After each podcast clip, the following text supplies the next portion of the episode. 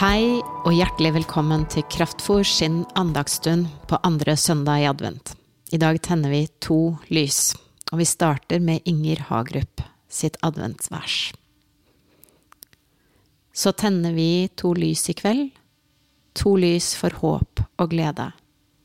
De står og skinner for seg selv, og oss som er til stede.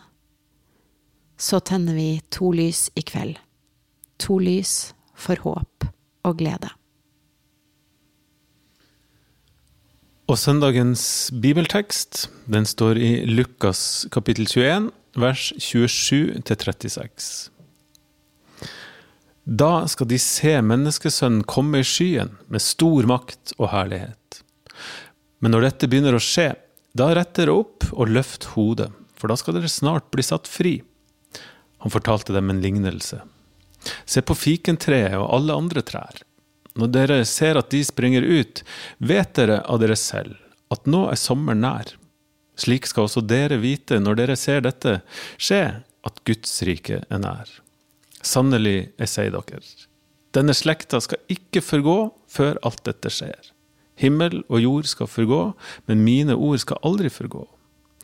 Vær på vakt, og la ikke hjertet bli sløvt av rangel og drikk og dagliglivets bekymringer, så den dagen plutselig kommer over dere, som en snare.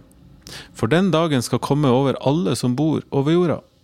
Våk hver tid og stund, og be om å få kraft til å komme velberga fra alt det som skal hende, og bli stående for menneskesønnen. Vår Far i himmelen. La navnet ditt helliges. La riket ditt komme. La viljen din skje på jorden slik som i himmelen. Gi oss i dag vårt daglige brød, og tilgi oss vår skyld, slik også vi tilgir våre skyldnere. Og la oss ikke komme i fristelse, men frels oss fra det onde. For riket er ditt, og makten og æren i evighet. Amen. Må Herren velsigne det og bevare det. Må Herren la sitt ansikt lys over det og være det nådig. Må Herren løfte sitt åsyn på det og gi det fred.